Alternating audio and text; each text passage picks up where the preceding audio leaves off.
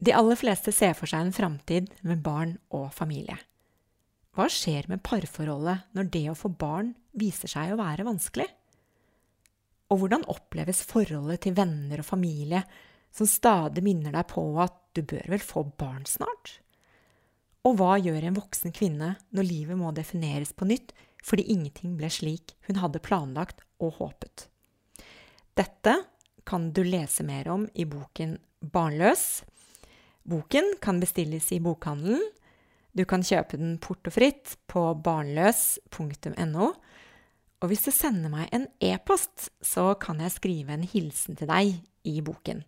Da sender du til boken barnlos i ett ord at gmail.com.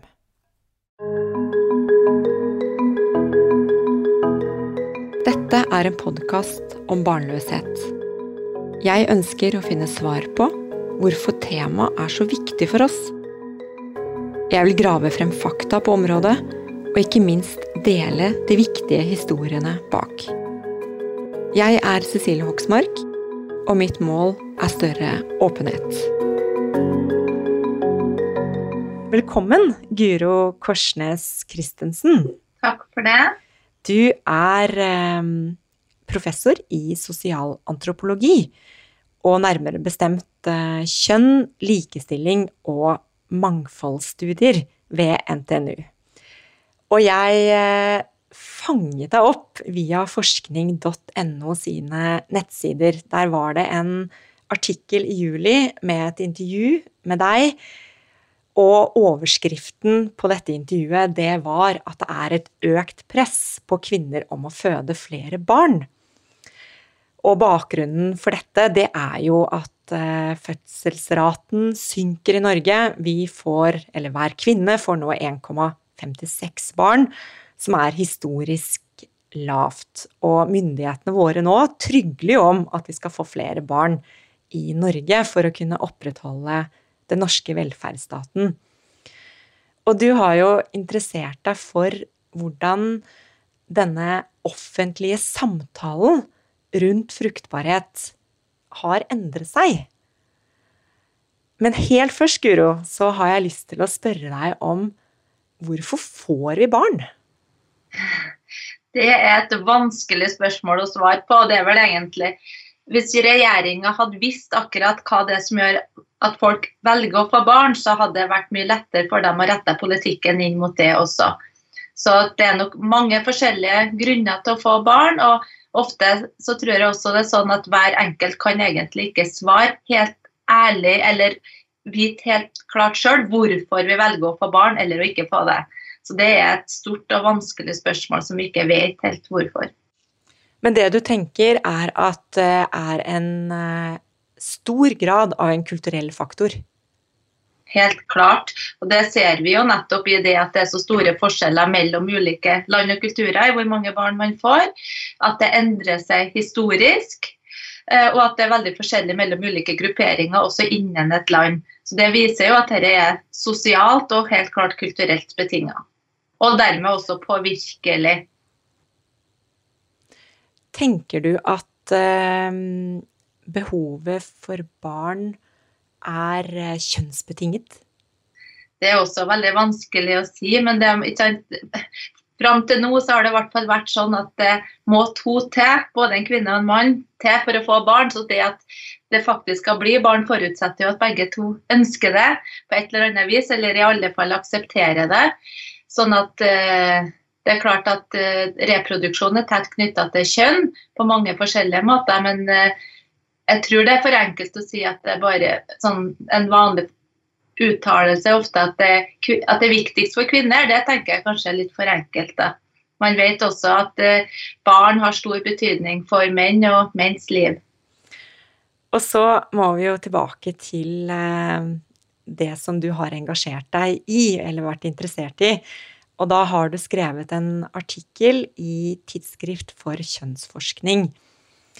Og det som er interessant her, og som jeg ble veldig nysgjerrig på, og som jeg aldri egentlig har tenkt så mye på, det er jo det du skriver, at det faktisk er vanlig at myndigheter i ulike land forsøker å påvirke befolkningens reproduktive atferd. Og vi tenker jo at vi bestemmer over vårt eget liv, i hvert fall her i Norge. Så hva, hva Og jeg kan jo kanskje eh, spørre deg først om hva tenker du om Erna sin nyttårstale? Nei, min tanke om det først var at jeg syns det var utrolig interessant at hun sa akkurat det hun sa. fordi at hun satt uh, Med de ordene så viste hun at uh, regjering og politikere i dag er helt klart opptatt av det med reproduksjon. Det visste vi jo fra før. fordi at jeg kan jo si at det med befolkninga eller befolkninga er jo den viktigste ressursen til en nasjon og en stat. Eh, og uten folk så blir det ikke noen nasjon eller noen stat. Og sånn sett så har jo alle nasjoner vært opptatt av befolkningas reproduksjon og forsøkt å påvirke den på forskjellige måter. Og, til, og, Det kan jo være både å oppfordre til å få barn, men også unngå å få for mange. Og det å sørge for at riktige folk får nok barn, og at dem man ikke ønsker skal reprodusere seg så mye, unngår å få så mye barn. Så Det prøver stater å regulere på forskjellige måter. Og Det mest kjente eksempelet på det er jo ettbarnspolitikken i Kina. I Norge så har vi hatt en tradisjon for at vi ikke driver og regulerer reproduksjon på den måten, men derigjennom har mer indirekte regulering. F.eks. at vi i lang tid nå har hatt mer og mer sjenerøse reproduksjonsstøtte. Også svangerskapsomsorgen er veldig god. Eh, permisjonsordningene er omfattende. Og også ved velferds, alle velferdsordninger og familiepolitiske ordningene vi har, legger til rette for å få barn når man ønsker det, og hvor mange man ønsker også egentlig. Så det har vært statens måte å oppfordre til reproduksjon over lang tid. Og man har også hatt en uttalt politikk om at det er, eller sagt, gjentatt ofte i politisk sammenheng, at det er noe befolkninga, og særlig kvinner, bestemmer sjøl, men så har man prøvd å lagt til rette. Så det skal ikke være noe press. Med den talen så viste jo Erna Solberg på en måte at med en uttalelse hvor hun opp, eksplisitt oppfordra til reproduksjon, så endra hun på en måte litt strategi i forhold til hva staten har gjort. Det er jo ikke noe at man får noe straff for å ikke få, eller straff for å få, men at man er mer tydelig på hva man faktisk ønsker da, at befolkninga skal gjøre i den sammenhengen her, mer enn bare å premiere indirekte ønska atferd. Så jeg syns det var veldig spennende, og det viser jo, er nok et resultat av den store endringa i fruktbarhetstallet som vi har sett i Norge. Hvor vi har gått fra på omtrent ti år gått fra 1,9 ca. til nå 1,56. Som er et ganske stort fall i fruktbarhet. Da. Eh, og da agerer politikere på den måten her i en norsk sammenheng. Eh, jeg så i artikkelen din akkurat det du beskrev nå, at det har vært et skikkelig dropp eh, de siste da ti årene, eh, får man vel si. Vet man noe om årsakene til det? Nei, man vet ikke helt hvorfor folk får barn og ikke uh, får barn. Men det man ser er jo også at alderen for førstegangsfødsler og dermed også senere fødsler øker. Og sånn sett så kan man jo si at uh, sjansene for å få barn med det reduseres noe. så Det kan jo forklare én ting. Så Det var jo litt av det Erna Solberg også var inne på i talen sin, hvor hun oppfordra befolkninga til å få barn tidligere. Og satt litt fokus på det med den yngre generasjonen. Da. Og Det er heller ikke helt nytt. Særlig ordninga knytta til studenter har vært et tema over lengre tid i denne sammenhengen.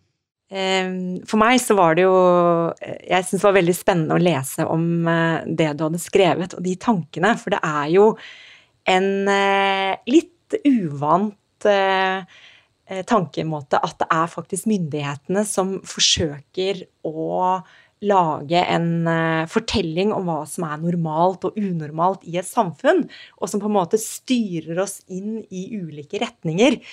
Og jeg tenkte at jeg stritter litt imot hele den ideen, fordi man vil jo helst være herre over sitt eget liv og bestemme selv. Så hva tenker du er eh, problematisk eh, med dette? Det er jo klart at Erna Solberg sin tale fikk reaksjoner i mange deler av befolkningen også, som syns at det opplevdes som litt uh, utidig å gripe inn i privatsfæren.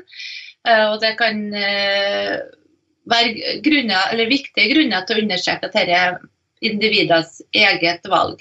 Samtidig, det som jeg syns er aller mest spennende med dette, er jo det at akkurat på reproduksjonsområdet så kan staten prøve å regulere så mye en vil, men det er til syvende og sist enkeltmenneskene som bestemmer, i hvert fall om de vil ha barn eller ikke.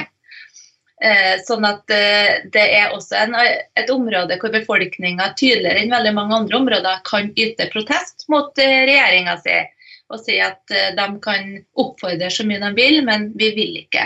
Og Det har man også sett i historisk sammenheng og i andre deler av verden, hvor stater har virkelig prøvd å oppfordre befolkninga til å få flere barn, men hvor fødselsraten ikke har gått opp likevel. Man kan forby Eh, prevensjon, man kan forby eh, provosert abort, men man kan likevel oppleve at befolkninga ikke får flere barn likevel. Så det er et område hvor, som det jeg syns er superinteressant med reproduksjon og fruktbarhet, at det er der individets bestemmelse over egen kropp og statens interesse i individet kommer veldig tydelig til uh, uttrykk. Og hvor det er staten prøver å regulere, men individet tross alt har ganske stor mulighet til å protestere også. Så selv om vi påvirkes av omgivelsene våre og av regjeringa sine uttalelser og sånn, så er vi fortsatt fri til å gjøre våre egne valg på området her. Og du har jo interessert deg for den eh, offentlige samtalen. Og hvordan har den endret seg i Norge? Jeg gjorde jo en tilsvarende studie for ti år siden, som var grunnen til at jeg syntes det var veldig spennende å følge opp i dag òg. Og da var jo fokuset på de relativt sett høye fruktbarhetstallene i Norge. De var jo tett opp mot to for ti år siden. da, og Det vil jo si at det er jo fortsatt ikke nok i seg selv til å opprettholde befolkningsnivået over tid, for da trenger det å være 2,1, men det var veldig tett opp til det. Og I europeisk sammenheng så var det høyt. Og den offentlige samtalen var veldig mye prega av nettopp at uh, hurra, vi får mange barn. Uh, her er et uttrykk for at den norske velferdsstaten fungerer veldig godt. Det viser at vi er superlikestilt, og befolkninga er fornøyd og har det bra. Lå som en sånn undertone i det og veldig sånn stolthet over likestilling. Så det reproduksjonstallet var tatt til inntekt for at kjønnslikestilling er veldig god i Norge. Og så når den da tallet går ned, så ser vi også at samtalen delvis endrer seg. Det som jeg ikke ser, det er ikke noen som sier at dette viser at vi ikke er så kjønnslikestilt. Selv om man for ti år siden viste til tallene f.eks. i Italia og Spania som er en god del lavere, som et uttrykk for manglende kjønnslikestilling, så er det ingen som sier nå at dette betyr at vi er blitt mindre kjønnslikestilt. Nå leter man etter andre forklaringer. Men du ser jo at fra å være en sånn positiv suksessfortelling, så har den offentlige samtalen om reproduksjon blitt mer bekymra. Det har kommet skyer på den ellers så blå himmelen. Og det litt mer, tegnes et dystrere bilde og mer sånn fokus på å oppfordre. Så Det er i hvert fall den ene hovedfortellinga. Men så er det klart så er det jo stemmer som sier at uh, dette er faktisk uh, gode nyheter. Blant miljø, personer fra Miljøpartiet De Grønne har uttalt at vi skal ikke være noe lei oss for at fruktbarheten går ned i Norge. Det er bare bra. Det fødes altfor mye folk i verden. Det er kjempetrykk på kloden vår, og det vil ført føre til klimaendringer. Og selv om Norge er ikke det landet som bidrar med flest nye borgere og sånn sett nye fotavtrykk, så er vi en av superforurenserne. Så derfor så bør vi ha færre barn enn andre deler av verden også. Så de har bl.a. uttrykt tydelig, og enkelte andre stemmer også, at uh, dette er ikke noe å være lei seg for, det er bare godt. Og du har jo også sett på um, den offentlige samtalen i andre kulturer. Og hvordan snakker man om dette temaet i andre deler av verden? Jeg har jo ikke jobba sånn systematisk med det ennå, men jeg har bl.a. et pågående samarbeid hvor vi diskuterer det opp mot Japan.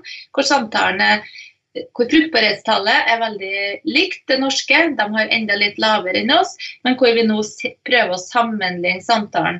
Men det er et prosjekt som jeg ikke kommer i havn med ennå, så jeg vet ikke hva jeg finner. Men det er veldig, kjenner jeg veldig nysgjerrig på å se om det, om innramminga av fruktbarhetstallene i offentlig sammenheng er lik det norske, eller om vi der ser helt andre måter å snakke om det på. Og Bl.a. Japan er et av de landene som ofte beskrives som veldig lite kjønnslikestilt. Så da kan man se for seg at det er andre forklaringsmodeller andre teorier som løftes fram, og kanskje også andre løsningsforslag. Da. Vet du om, om Erna Solberg eh, har gitt andre meningsytringer også, i tillegg til nyttårstalen, som på en måte var ganske bombastisk med tanke på dette miljøhensynet og kanskje se med verden under, under, mer under ett, da? Det vet jeg ikke rett og slett. Men det er klart mange andre som har gjort det. Men jeg vil jo anta hun, Det ble veldig mye oppmerksomhet rundt den talen i etterkant, og at hun har helt sikkert blitt spurt om det mange ganger, men det vet ikke jeg. For det er en interessant debatt med tanke på at vi egentlig er mange nok mm. på, på, kloden. Mm. Og hvorfor skal vi akkurat ha flere nordmenn? Mm. mm. Er jo en interessant problemstilling. Det er en veldig interessant problemstilling. og En av de motstemmene som kom opp også, var jo at dette kom jo relativt kort tid etter den såkalte flyktningekrisa, hvor vi fikk mange nye eh, eh, beboere i Norge fra andre land som trengte beskyttelse. Og hvor det var akkurat i den perioden igjen var et veldig trykk på å sende mange tilbake, bl.a. en del veldig unge mennesker, ungdom, og også barnefamilier som ble sendt ut av landet til stor protest, særlig lokalt i de lokalsamfunnene de familiene var bosatt. Og Da var det mange som opplevde det som en stor provokasjon at statsministeren sier at vi trenger, flere, vi trenger at det fødes flere barn i Norge, men så kaster man ut dem som allerede bor der og ønsker å fortsette å bo her og har, å ha behov for å være her. Hva tror du selv om dette fruktbarhetstallet? Kommer det til å fortsette å gå nedover? Det er jo som å se inn i ei glasskule, men jeg tror ikke det kommer til å fortsette å gå nedover. Og jeg tror heller at det kanskje Min gjetning vil være at det kommer til å gå litt oppover snart, og så vil det stabilisere seg kanskje på et nivå som er omtrent som nå, vil jeg gjette. Men eh, det er jo helt umulig å vite. Guro, Tusen takk for eh, intervjuet, og jeg syns den forskningen du holder på med er veldig spennende. Så takk for at du ville være med. Takk sjøl.